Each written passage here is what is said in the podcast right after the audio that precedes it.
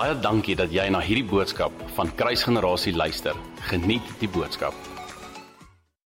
Goeiemôre familie. Dit is vir my so groot voorreg om vanmôre by elke een van julle te wees in julle huise, daar waar ook al julle nou is. En vir my 'n groot voorreg om bietjie met julle te kan gesels uit die woord van die Here uit. Ek uh, hoop met my hele hart dat dit goed gaan met elke een van julle. Ons bid vir elke een van julle. So ek is eintlik vol vertroue dat dit goed gaan met julle en dat die Here besig is om om dinge te doen in julle lewens en dinge besig is om om te skuif in julle lewens. Ek wil elke een van julle herinner aan die visie wat ek gehad het in April wat ek ook al gedeel het met met die gemeente is dat die Here vir ons gewys het dat Augustus en September maand die maande is van restaurasie en dat ons gesien het hoe die wind van die Here weer gaan waai in Augustus en September. En ons verklaring oor elke een van julle wat hierna kyk, is dit wat die vyand gesteel het by jou, sal hy teruggee. Die woord van die Here sê dat die oomblik wanneer die dief uitgevang is, moet hy sewevoudig terugkeer en ons verklaar dit oor jou. COVID-19 is nie van God af nie, dis van die vyand af.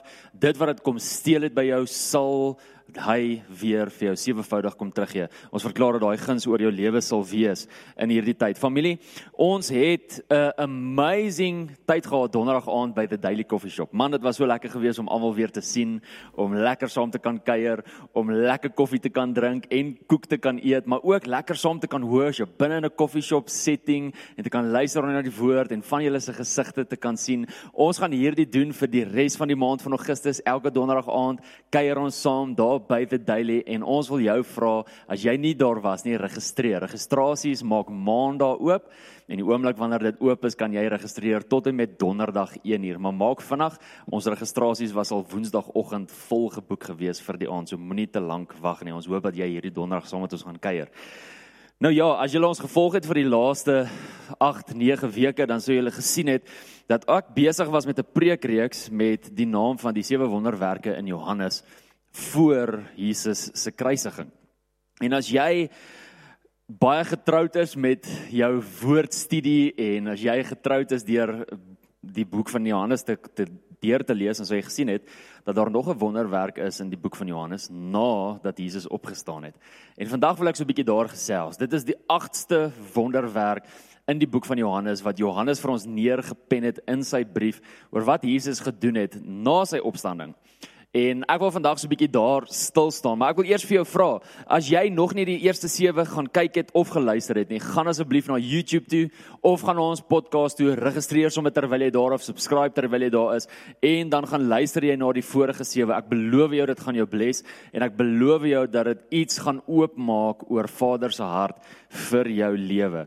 Maar vandag gesels ons oor die 8ste een hè en as jy jou Bybel by jou het en jou notaboek en jou pen, is dit belangrik om vandag notas te neem veral vandag want familie vandag gaan ek 'n baie diep openbaring deel. Ek hoop met my hele hart dat elke een van julle hierdie openbaring sal ontvang. En ehm um, jy gaan nodig hê om hierdie goedjies neer te skryf sodat jy na die tyd weer kan teruggaan na dit toe. Ons is in Johannes 21 en ons gaan lees vanaf vers 1 toe. Maak seker dat jy daar is en dat jy reg is met jou met jou notaboek en jou pen. Goed. Daar staan in Johannes 21 vanaf vers 1 af. After these things Jesus showed himself again. Let op dat hierdie die derde keer is na Jesus se opstanding wat hy homself aan die disippels wys. To the disciples at the Sea of Tiberias and in this way he showed himself. En vers 2 sê vir ons dan nou wie aan wie hy homself openbaar het, die disippels se name. Daar's twee disippels se name wat hy uitlos, maar dan in vers 3 lees ons die volgende. Simon Peter said to them I am going fishing. Baie belangrik. I am going fishing. They said to him, We are going with you also. And they went out and immediately got into the boat, and that night they caught nothing. As jy 'n streep wil maak op dit, is dit super belangrik. Onderstreep daai gedeelte, they caught nothing. Ek gaan nou-nou so 'n bietjie ietsie daaroor sê. Nou eersins Ek wil graag gesels oor die oor die Openbaring gedeelte van hierdie skrif wat wat dalk bietjie meer algemeen is en dan nou-nou gaan ek ietsie deel wat regtig bietjie bietjie dieper is. Maar Petrus besluit hier in vers 3, besluit hier dat hy weer gaan visvang. Sê I am going fishing. Nou let hier op Petrus se invloed. Okay, onthou nou die volgende. Petrus het Jesus verloon. Um die disippels is dalk kwaad vir hom. Hy is kwaad vir homself. Hy het sy vrymoedigheid verloor, maar steeds is hy op 'n plek van invloed. Steeds die oomblik wanneer hy sê I am going fishing, is daar die res van die disippels wat saam met hom gaan. Julle sal sien dat die ander disippels hom volg. Familie, dit is so belangrik vir ons om seker te maak dat ons ons plek van invloed reg gebruik. Net omdat ons invloed het, beteken nie dat ons invloed goeie invloed gaan wees nie. En Petrus is hier op 'n plek. Hy het 'n plek, hy's hy het 'n plek van invloed, maar die uitvoering van sy invloed is nie goeie invloed op die disippels in hierdie geleentheid nie. Nou julle sal onthou in Matteus 4 vers 19 lees ons 'n gedeelte waar Jesus vir die heel eerste keer by Petrus kom. En toe hy by Petrus kom, toe sê hy vir Petrus die volgende. Sê Petrus, ek sal van jou 'n visser van mense maak. Dit was die woorde waarmee Jesus vir Petrus geroep het. Ek sal van jou 'n visser van mense maak. En nou is Petrus en die disippels, nadat Jesus al twee keer aan hulle verskyn het, is hulle op 'n plek saam. Dit vat volgens hulle dalk te lank Hulle is dalk bietjie frustreerd. Hulle weet nie so lekker wat nou gaan gebeur nie. Hulle het nog die mindset van dat hy sy koninkryk nou gaan vestig en nou gaan heers. Maar dit vat te lank en op 'n stadium besluit hulle, okay, nee, hierdie is wat hulle gaan doen. Hulle gaan nou eers gaan visvang. Dis so interessant om te kyk in hierdie tyd om op te let hoe visieloos die disippels is nadat Jesus nie meer saam met hulle is nie. So vir 3 en 'n half jaar wandel hulle saam met Jesus, as hulle die heeltyd saam met Jesus, daar waar Jesus gaan, daar gaan hulle. Daartoe waar Jesus hulle stuur, daartoe gaan hulle. Nou is Jesus nie meer letterlik fisies by hulle nie en ewe skielik is dit so asof hulle visieloos is, so asof hulle nie meer weet waartoe om te gaan of wat om te doen nie. Selfs al nadat hy al twee keer homself aan hulle openbaar het. En ek is seker dat in Petrus se ore die woorde van Jesus resound dat dit dat daar is dit resonate daar. Dis binne in binne in die agterkop van sy mind. Ek gaan van jou 'n visser van mense maak. Maar selfs in hierdie tyd al is daai woorde dalk daar is hierdie Petrus se respons. Hy gaan terug en hy gaan vang vis twee dinge wat interessant is is die eerste ene eerste ding wat interessant is is dat hulle nie geweet het waantoe om te gaan nie en die tweede ding wat interessant is is dat Petrus se boldness sy vrymoedigheid en self sy bereidwilligheid by die deur oop uitgeloop het die oomblik toe hy Jesus verraai het. Jy sien in Petrus se oë het hy homself gediskwalifiseer om juis dit waarvoor Jesus hom geroep het. Juis daai woorde wat Jesus oor hom gespreek het. Ek gaan van jou 'n visser van mense maak. In Petrus se oë het hy homself gediskwalifiseer. En hy het by homself gedink, ek kwalifiseer nie meer nadat ek vir Jesus verloon het om 'n visser van mense te wees nie. So wat gaan ek doen? Ek gaan terugval na my vorige beroep toe. Ek gaan die agterdeur oophou. Ek gaan die backdoor weer oopskop en dit is wat ek gaan doen. Nou vir ons Afrikaanse mense, die oomblik wanneer ons hoor hulle het gaan visvang, dan dink ons, "Wow, lekker. Ons wil ook gaan visvang." Ek wil net vir jou sê, hierdie het hulle nie gaan doen as 'n sport nie en hulle het ook nie hierdie gedoen as relaxation nie. Hulle het hierdie gedoen as 'n beroep. Met ander woorde, hulle het letterlik weer terug gaan val na dit wat hulle gedoen het voordat Jesus hulle geroep het. Dit was nie vir van nie. Hulle teruggeval na hulle vorige beroep toe.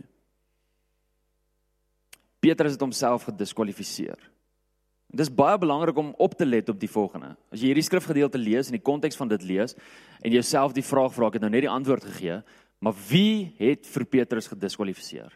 Nadat hy Jesus verloon het, Wie het hom gediskwalifiseer? Het God na hom toe gegaan gekom en vir hom gesê jy kan nou nie meer 'n visser van mense wees nie? Of het hy self hierdie besluit geneem? Familie ek ek sien so soveel kere hoe baie mense vervreemd raak in hulle verhouding met die Here as gevolg van sonde. Ons het dalk iewers dit gemis, ons het iewers die verkeerde keuse gemaak, ons het ons het iewers ge, iets gedoen wat ons nie moes gedoen het nie en as gevolg daarvan het ons ons eie verhouding met die Here vervreemd en dan kom ons self en ons diskwalifiseer ons self. Dit is so amazing as jy 'n studie gaan doen, dan kom Jesus na Petrus toe en hy sê vir Petrus: "Petrus, jy gaan my verloon. Maar wanneer jy weer herstel is, gaan lees dit. wil ek hê jy moet opstaan en doen waarvoor ek jou geroep het, my eie woorde. Wanneer jy weer herstel. So hierdie is wat Jesus vir Petrus gesê het. Petrus, jy gaan dit mis. Jy gaan 'n fout maak. Jy gaan dit verloor. Maar jy gaan weer herstel word. Maar hier's Petrus op hierdie plek waar hy homself diskwalifiseer en hy gaan doen iets wat hy homself weer mee kan vereenselwig. Hy weet hoe om visse te vang. Hy het die vrymoedigheid verloor om 'n visser van mense te wees. Maar hy het nie die vrymoedigheid verloor om letterlike visse te gaan vang nie. En op daai plek waar hulle daar is, as gevolg van die feit dat hy sy boldness, sy vrymoedigheid en sy bereidwilligheid verloor het, is hulle op 'n plek waar dit eintlik ongelooflik gevaarlik is. Julle gaan julle gaan dit nou sien. Vers 3 sê and that night they caught nothing. Familie, ek het julle nou gevra om hierdie te onderstreep en die rede hoekom ek wil hê jy moet hierdie onderstreep is ek wil hê jy moet sien wat die vrug is van om buite God se wil te wees. Want hier is hulle selfs in die natuurlike. Selfs in hulle is nie in hulle roeping nie. Hulle is besig met 'n wêreldse ding, maar selfs in 'n wêreldse ding is daar niks vrug nie as gevolg van die feit dat hulle buite God se wil is. As hulle in God se wil was, sou die vrug anders gelyk het. Maar nou lyk hierdie vrug so. They caught nothing. Die hele aand deur vang hulle niks. Hoekom? Want hulle is buite die wil van die Here. Maar vers 4 sê, "But when the morning had now come." Prys die Here vir die oggend. Prys die Here vir die oomblik wanneer die son weer nuut opkom. Klaagliedere 3 vers 23 sê sy barmhartigheid is nie elke môre. His mercies on you every morning. Is jy nie dankbaar vir sy mercies nie? Is jy nie dankbaar vir die feit dat sy mercies nuut is oor jou lewe elke môre nie? As ek met myself eerlik is, dan gaan ek kan ek vir julle sê ek het dit hierdie week gemis. Ek het hierdie week kwaad geraak. Ek het hierdie week iets gedoen wat nie die vrug van die Gees dra nie of 'n verkeerde besluit geneem. Ek het hierdie week dit iewers gemis, maar prys die Here want sy barmhartigheid is nuut elke môre. En ten spyte van waar die disippels is op hierdie oomblik, ten spyte van die feit dat hulle 'n keuse gemaak het om weer terug te val na hulle vorige beroep toe, kom Jesus daag hy op in hulle lewens. Is hy daar? die oomblik toe die son opkom. En die oomblik toe hy daar staan, lees ons die volgende. Jesus stood on the shore and yet the disciples did not know that it was Jesus. Onthou nou, dis die derde keer wat Jesus al aan hulle aan hulle verskyn. But still they did not know that it was Jesus. And then Jesus said to them, "Children, have you any food?" And they answered him, "No." And he said to them, Cast the nets on the right side of the boat and you will find some. Ek hou van Jesus se intent hier. Jesus kom en profeteer sommer vir hulle. Hy sê vir hulle wat om te doen en dan profeteer hy vir hulle wat die outcome gaan wees die oomblik wanneer hulle dit gaan doen. Ek wens die Here wil altyd so optree. Ek wens die Here wil altyd vir 'n mens sê, as jy hierdie gaan doen, is hierdie die vrug. Hierso gebeur dit en dit is amazing. En die oomblik toe hulle dit doen, toe hulle gehoorsaam is, vers 6 sê and and uh, so they cast and now they were not able to draw it in because of the multitude of the fish. Okay, kom ek praat net gou oor hierdie drie versies. Soos ek nou nog gesê het, hierdie is al die derde keer wat Jesus homself aan hulle openbaar. Die oomblik die oomblik wanneer ons besig raak met ons eie planne En die oomblik wanneer ons buite God se wil is, raak dit vir ons baie moeiliker om hom om raak te sien. Dis dis die derde keer wat Jesus homself aan aan hulle openbaar, maar steeds weet hulle nie dat dit, hy is nie. Hoekom nie?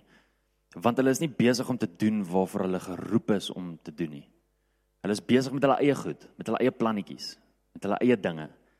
En dit belemmer hulle openbaring van wie hy is. Familie, gaan kyk maar in jou lewe. Gaan kyk die oomblik wanneer jy besig is met jou eie goedjies en jou eie plannetjies en jou eie lewe na te jaag en jou eie begeertes na te jaag, gaan kyk of jy nog steeds so bewus is van hom. Hier is die disippels. Jesus staan op die strand. Hulle het nie 'n klou dat dit hy is nie. Om buite die wil van God te wees, maak ons geestelik blind. En dit is hoekom mense wat so afvallig raak, ophou openbaring kry. En hoekom jy soveel keer hoor hoe mense sê ek lees die Bybel maar ek verstaan dit nie. Of ek bid maar ek bid teen die dak vas. Wat het daar gebeur? Baie eenvoudig. Mense het hulle eie begeertes begin najag. Hulle het begin lewe vir hulle self. Hulle was nie in die wil van die Here nie wat gemaak het dat hulle geestelik blind begin raak het en as gevolg daarvan is daai intimiteit nie meer daar nie. Is daai teenwoordigheid nie meer daar soos wat dit altyd was nie. En nou die oomblik wanneer ek in sy teenwoordigheid kom as gevolg van die feit dat ek my boldness, my bereidwilligheid en my vrymoedigheid verloor het as gevolg daarvan, voel dit vir my of ek niks verstaan wat in die Bybel aangaan nie voel dit vir my of die oomblik wanneer ek bid, ek teen die ceiling vasbid. Hoekom? Want daar was 'n diskonneksie gewees. Hulle sien 'n man, maar hulle weet nie dat dit Jesus is nie. Jy sien die oomblik wanneer jy afvallig raak en die oomblik wanneer jy besig is met jou eie planne, dan word jou openbaring van Jesus oppervlakkig.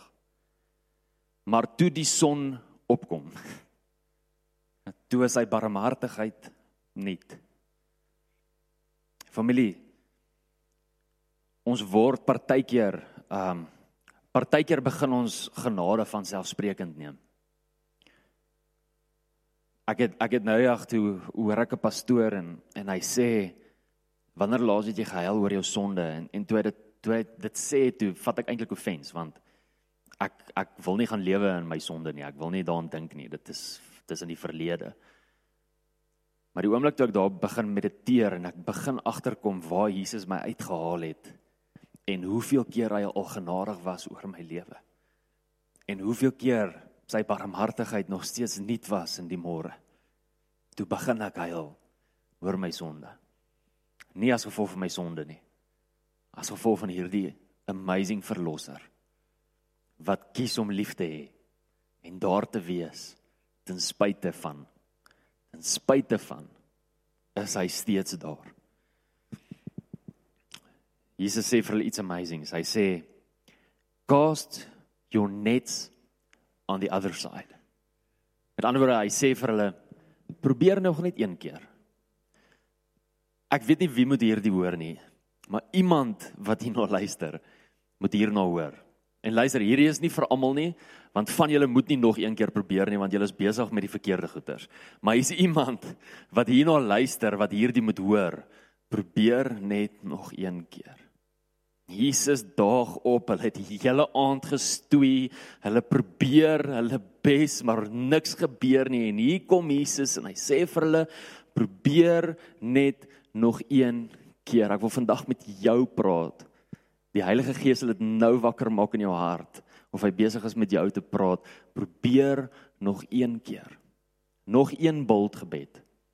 Nog een tyd in vas. Nog een oomblik van vashou aan sy belofte, van vashou aan sy woord. Nog net een keer en kyk wat hy vir jou gaan doen. Familie onthou dat hierdie wonderwerk al gebeur het toe Jesus hulle die eerste keer geroep het in in Lukas 5 vanaf vers 1 tot 11 kan jy die hele verhaal gaan lees. Het hierdie wonderwerk al gebeur. Hulle het vis gevang, hulle kon niks vang nie. Jesus kom die heel eerste keer toe hulle opdaag en hy sê vir hulle, "Het julle iets gevang?" Hulle sê, "Nee." Hy sê, "Gooi dit net aan die ander kant" en ewe skielik vang hulle klomp klomp goeters. Dis amper asof Jesus hulle kom herinner aan die keer wat hulle heel eerste keer hulle ontmoeting gehad het met hom. Nou die dag tydens die lockdown toe ons nog heeltemal toe was. Spandeer ek tyd met die Here en terwyl ek met die Here tyd spandeer, kom die Heilige Gees en hy kom herinner my aan daai aand wat ek vir die heel eerste keer Jesus gesien het en my oë gelok het met sy oë terwyl ek in die diepste tyd van my sondige lewe was. En die oomblik toe ek in sy oë vaskyk, hoe ek net liefde en aanvaarding sien en hy nie een keer met verwyd na my kyk nie. En dit is so asof Jesus hier na die disippels toe kom en hy vir hulle sê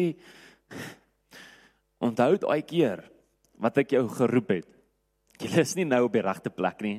Jy het nou verkeerde goeders gedoen, jy het verkeerde keuses gemaak, jy is nie waar jy veronderstel is om te wees nie, maar hey, die son het nou opgekom, my barmhartigheid is nie. Onthou jy daai keer? Die heel eerste keer toe ek na julle toe gekom het. Jesus kom herstel hulle maar hy was nog nie klaar met Petrus nie. Jy sien Jesus kom herstel daar sewe disippels op daai boot as jy gaan kyk. Hy herstel die disippels. Maar hy's nog nie klaar met Petrus nie. As jy die gedeelte lees vanaf vers 15 tot 18 dan sal jy sien dat dat Jesus Petrus kom herstel. Nou ek wil nie in diepte in dit gaan nie want ek het al hieroor gepreek. Maar net gou vanaand 'n recap. Jesus kom en hy vra vir Petrus as jy 'n studie gaan doen in die Grieks dan sal jy die volgende sien. Hy vra vir Petrus. Hy sê Petrus, het jy my lief? Die Griekse woord daar is agape. Met ander woorde Petrus, het jy my onvoorwaardelik lief? En Petrus kom en hy antwoord, hy sê ja Here, ek het U lief. Die Griekse woord daar sê hy hou. Hy sê ja Here, ek het U lief soos 'n vriend. Met ander woorde, Jesus vra vir Petrus, Petrus, het jy my onvoorwaardelik lief? En Petrus kom en sê Here, ek kan jou nie onvoorwaardelik lief hê nie want ek het jou nou net verloon. So as ek sê ek het jou onvoorwaardelik lief, dan jok ek, maar ek het U lief soos 'n vriend. En Jesus vra weer die tweede keer Petrus, het jy my lief? As jy in die Grieks gaan kyk, is dit weer agape, het jy my onvoorwaardelik lief? En Petrus kom antwoord weer vir Jesus en hy sê weer vir Jesus: Here, U weet dat ek U verlei hou. Ek het U lief soos 'n vriend. En dan kom Jesus die derde keer en hy vra vir Petrus: Petrus, het jy my verlei hou? Het jy my lief soos 'n vriend? Hy vra nie vir hom die derde keer, het jy my agape liefde nie. Hy vra, het jy my lief soos 'n vriend? En as jy gaan lees daar dan sal jy sien Petrus sê: Here, U weet dat ek U liefhet soos 'n vriend. Wat het Jesus hier kom doen? Jesus kyk na waar Petrus is. Hy weet wat Petrus gedoen het. Hy het dit geprofeteer oor hom voor die tyd. Hy het gesê jy gaan my verloon. Hy weet waar Petrus is en die heeltyd roep hy vir Petrus, hoor. Hy sê Petrus, het jy my onvoorwaardelik lief? Petrus voel dat hy dit nie kan sê nie, maar hier is die verwagting van Jesus af. Jesus se verwagting is dat ten spyte van die feit dat hy dit gemis het, dat hy nog steeds sal hoor opkom en sal kan verklaar maar Here ek het U onvoorwaardelik lief. Jy sien in die tyd wat hy selfs vir Jesus verloon het, ken Jesus nog steeds sy hart. En die oomblik wanneer ons wanneer ons dit mis, dan is ons baie hard op onsself en ons hamer op daai een foutjie wat ons gemaak het, maar Jesus kyk na die gehele gedeelte van ons hart en hy kyk na die tye wat ons faithful was en hy kyk na die tye wat ons daar was en hy kyk na die tye wat ons opgeoffer het en daai klein dingetjie wat ons dalk verkeerd gedoen het, kyk hy mis en hy sê, "Oké, okay, vergeet nou daarvan. Kom weer op. Kom weer hoor op." Maar Petrus kom nie op nie. Hy ontmoet nie die Here by daai gedeelte nie. En kyk die amazing barmhartigheid van Jesus. Hy gaan haal toe vir Petrus waar Petrus is. Hy sê die derde keer, Petrus, het jy my lief soos 'n vriend? Met ander woorde, Jesus herstel toe vir Petrus. OK, goed, nou verby verby dit. Ek wil hierdie nie oppervlakkige openbaring noem nie, maar Dit was die algemene openbaring waar waar ek wou gesels. Nou wil ek so klein bietjie dieper gaan. Familie, weet jy dat alles wat in die skrif is, daar is vir 'n rede. Dat God intentioneel is met elke stukkie detail wat hy in die woord van die Here sit. En ek weet nie van jou nie, maar ek is 'n ongelooflike nuuskierige mens. So omdat ek weet dat God intentioneel is met alles wat hy in sy woord sit, is ek nuuskierig die oomblik wanneer ek goedjies lees wat ander mense net oor sal sal bly. As jy hierdie gedeelte lees, dan sal jy sien dat die Bybel sê vir sê hierso hoeveel visse hulle gevang het. Daar staan 153 groot visse. Hulle het 153 groot visse gaan vang. En die oomblik toe ek dit lees en om, omdat ek weet dat God niks net verniet in die Bybel sit nie, toe gaan doen ek 'n studie oor die getal 153. En hierdie is die gedeelte waar jy jou pen moet hou saam met jou joernaal sodat jy kan neerskryf. Want hierso gaan ek nou vir julle 'n paar goedjies interessante feite met julle deel en dan vir julle wys wat Jesus eintlik kom doen het hier op die strand saam met sy sy disippels. OK.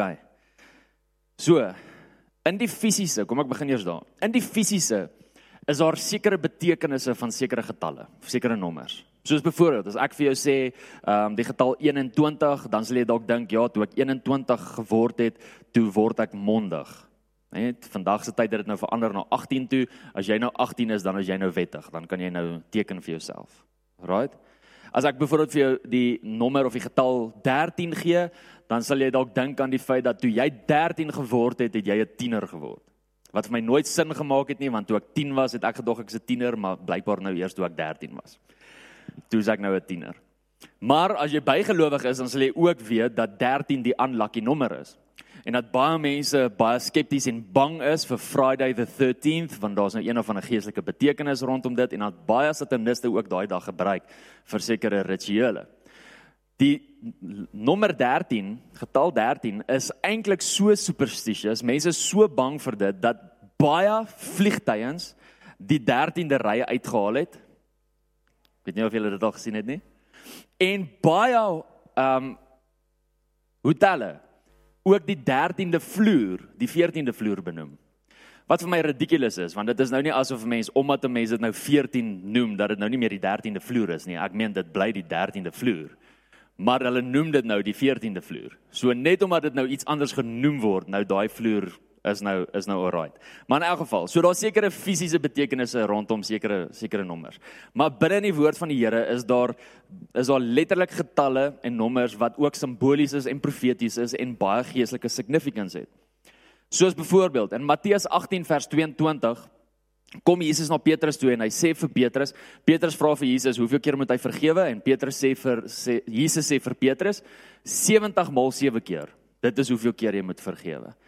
Nou ons weet, die oomblik wanneer ons hierna luister, dit lees dat ons nie mense gaan vergewe tot nommer 491. Kyk, as dit kom by nommer 491, dan is ek nou klaar met jou. Dan hoef ek jou nou nie meer te vergewe nie. Dit is nie wat die woord hierso vir ons sê nie. Wat dit hier vir ons sê is die simboliek van hou aan vergewe. OK? Die getal 7, weet baie van julle, beteken geestelike volmaaktheid of geestelike perfektheid. Die getal 10 beteken menslike perfektheid. As 'n babatjie gebore is, dan tel die ouers die babatjie se vingers en die babatjie se tone en as daar 10 vingers is en 10 tone is, dan sal die dan sal die ouers baie keer sê hy's perfek of hy is volmaak. So menslike perfektheid. In die Ou Testament was daar 10 plaae gewees wat die menslikheid kom toets het. In Openbaring is daar 7 plaae wat gaan kom. En hierdie 7 plaae is geestelike plaae wat gaan kom teen die geestelike en fisiese kant van die mens. OK, nou die 100 153.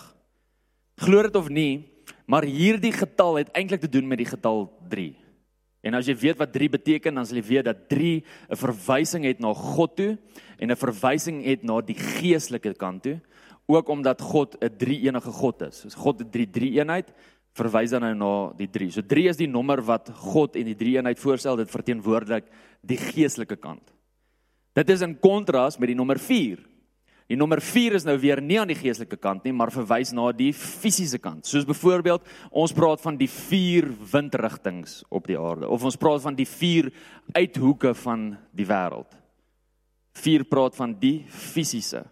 Wat baie interessant is, ek het nou vir julle gesê wat 10 beteken. 10 beteken volmaaktheid en 4 beteken fisies. Die Israeliete het gewandel in die woestyn vir 40 jaar. 4 maal 10 is 40.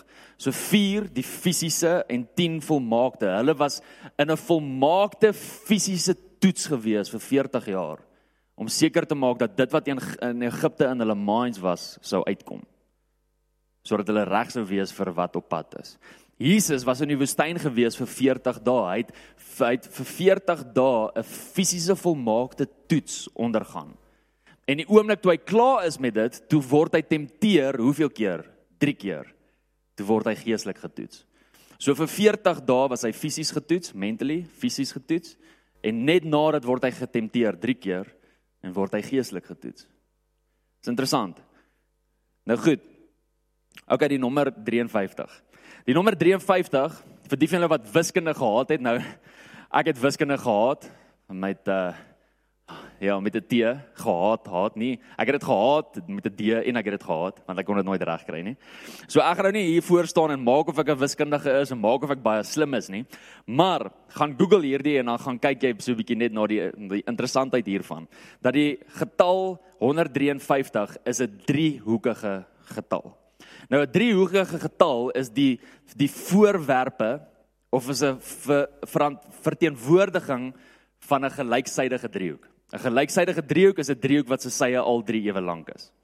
En dan kry 'n mens 'n uh, driehoekige nommers, triangular numbers. Google die woord triangular numbers en dan sal jy sien dat Google vir jou presies gaan wys watse nommers is alles triangular nommers. Nou hierdie getal 153 is 'n triangular nommer. Kom ek lees gou vir jou 'n paar triangular nommers. 1 3 6 10 15 21 28 36 45 55 en die lys gaan aan. Dit is triangular nommers. Nou wat baie interessant is, is die getal 153 is die 17de triangular nommer. OK? Bly by my. Jy het nog jou notaboek hier by jou. Nou wat awesome is is sodra hierdie livestream klaar is, kan jy letterlik teruggaan en pause en speel en pause en speel as ek dalk te vinnig gaan vir jou want ek wil hê jy moet hierdie goedjies neerskryf. So 153 is die 17de driehoekige getal. Wat baie interessant is, is as jy die nommers van 1 tot 17 met mekaar optel, dan kry jy 153. Met ander woorde, as jy sê 1 + 2 is 3, plus 3 is 6, plus 4 is 10, plus 5 is 15, plus 6 is 21. As jy so aangaan tot en met plus 17, dan kry jy 153. Wat interessant is, net vir die interessantheid. OK. Die 10 gebooie van God was geskryf oor 17 verse in die 20ste boek van Exodus. 17 is die Hebreëse woord pay, P E Y. Nie P A Y nie, P E Y, pay. En dit beteken om oor te blaas of om te strooi. Maar hoor gou hier, dit beteken ook oorwinning. So die 10 gebooie word vir ons gegee oor 17 verse as gevolg van die feit dat dit 'n teken is van oorwinning. Jy sal sien dat die 10 gebooie begin deur te sê ek het julle uitgelei uit Egipte uit, uit slawerny uit. Ons is nou nie meer verslaaf nie, ons is nou nie meer slawe nie. En nou as gevolg daarvan hierso, hier is julle oorwinning. So die 17 die 10 gebooie wat oor 17 verse is is eintlik 'n teken van oorwinning. Nou hoor gou hierdie interessante ene. Sorry, ek weet nou nie eers meer vir wat se kamera om te kyk nie. Daai een. Hoor hierdie ene interessante ene. Daar 17 spiere in jou tong.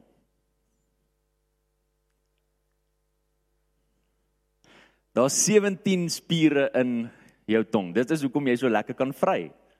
Want jy het 17 spiere in jou tong. Maar weet julle wat is die amazing ding? Ek het nou net gesê 17 beteken oorwinning. Familie, waar spreek jy? Waar meer spreek jy jou oorwinning? Met daai 17 spiere wat binne in jou mond is. Dit is waarmee jy jou oorwinning spreek. God se naam, Yahweh, kom 153 keer in die boek van Genesis voor. Die evangelies Matteus, Markus, Lukas, Johannes, die evangelies lys 153 mense wie Jesus aangeraak het.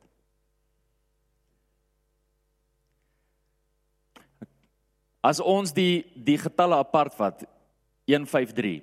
As ons 1 vat en ons vat 5 en ons vat 3. Weet nie of julle weet nie, maar die Hebreëse alfabet werk met nommers ook. Dit is nie net letters nie, dit werk met nommers ook. So die oomblik wanneer jy gaan kyk na die nommer en die alfabetiese betekenis van hierdie nommer, dan kom jy by die volgende. Die nommertjie 1 beteken in Hebreëus Alef wat beteken sterk. Alef beteken sterk. A L E P H sterk. Die nommertjie 5 is die Hebreëse woord hy, H E, 'n kollie streepie op die E. H E hy. En dit beteken om te openbaar. Die nommer 3 in die Hebreëus is die woord gimmel, G I M A L, gimmel. En dit beteken om te loop. So kyk gou wat gebeur hier. Hier's Jesus besig met sy disippels. Hy laat hulle hierdie 153 visse vang. En hy sê vir hulle bring daai visse hier. Hy berei vir hulle 'n maaltyd voor Hulle kom sit saam met hom om die vuur en is besig om saam met hom te eet. En die woord van die Here sê vir ons daar was 153 visse. As jy gaan kyk na die betekenis van 1, 5 en 3 is hierdie wat Jesus besig is om te doen. Jesus is besig. Onthou 1 beteken sterk, 5 beteken om te openbaar, 3 beteken loop. Jesus is besig om vir sy disippels 'n sterk openbaring te gee vir waantoe hulle op pad is.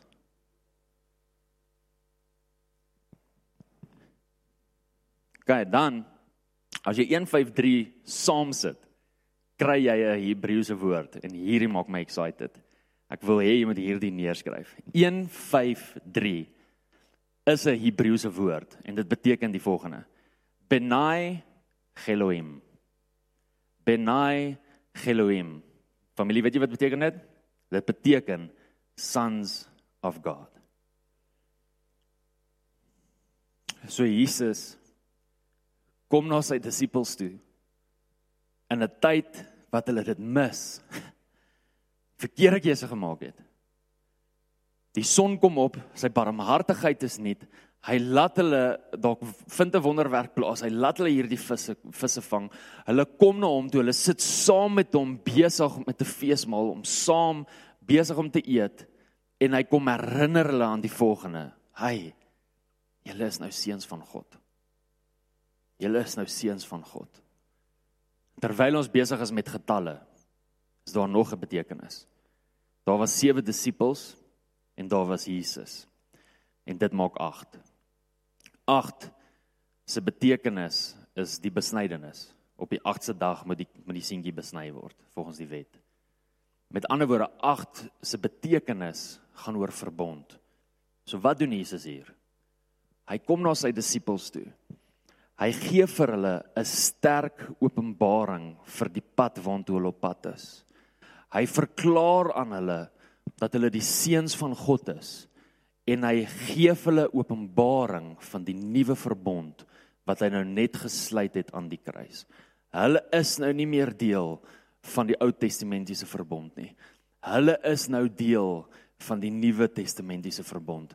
Familie, die oomblik wanneer ons op 'n plek is as kinders van die Here waar ons dit selfs gemis het, weet ons dat ons onder 'n nuwe verbond is. Daar is die bloed van 'n lam wat ons skoon gewas het sodat wanneer ons 'n verkeerde besluit geneem het, sodat wanneer ons in sonde geval het, ons nog steeds as gevolg van ons posisie as seun van God, as gevolg van die nuwe verbond, dat ons die vrymoedigheid kan hê om na hom toe te hardloop en te sê Here, ek het dit gemis, ek is jammer. 1 Johannes 1 vers 7, 1 Johannes 1 vers 9. Hy wat sy sondes bely. God is regverdig God is regverdig om al daai ongeregtigheid van ons af te verwyder. Hy is die regverdige een. Familie Ek weet nie waar jy is nie. Ek praat gister met 'n pastoor toe hy my bel. Vra hy vir my, "Hoe gaan dit met die gemeente?" Ek sê vir hom, "Dit is moeilik om te sê. Met van die mense weet ons dit gaan goed. Met ander mense weet ons nie hoe dit gaan nie. Ons kan nie by almal uitkom nie. Ons kan nie met almal praat nie. Ons almal kom nie terug na ons toe nie. Uh, die familie is ook so groot. Partykeer mis ons van die mense. Ons weet nie hoe dit met almal gaan nie, maar ek sê vir hom, maar ek kan vir jou met eerlikheid sê, daar's van ons familielede wat in hierdie tyd ongelooflik baie gegroei het. En ons van ons familielede wat baie afvallig geraak het in hierdie tyd.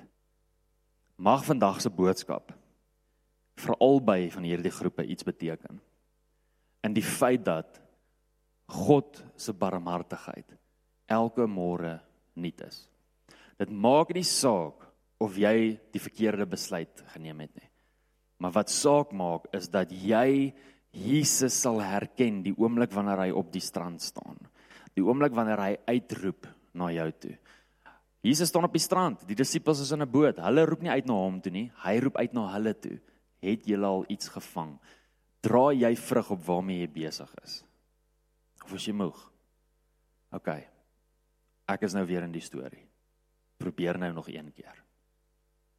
Familie, dalk was jy op 'n plek gewees waar jy die laaste tyd dit gemis het. Dalk was jy op 'n plek waar jy dalk bietjie afvallig geraak het of jy die verkeerde besluite geneem of jy dinge in jou eie hande geneem en jy wou self planne gemaak het.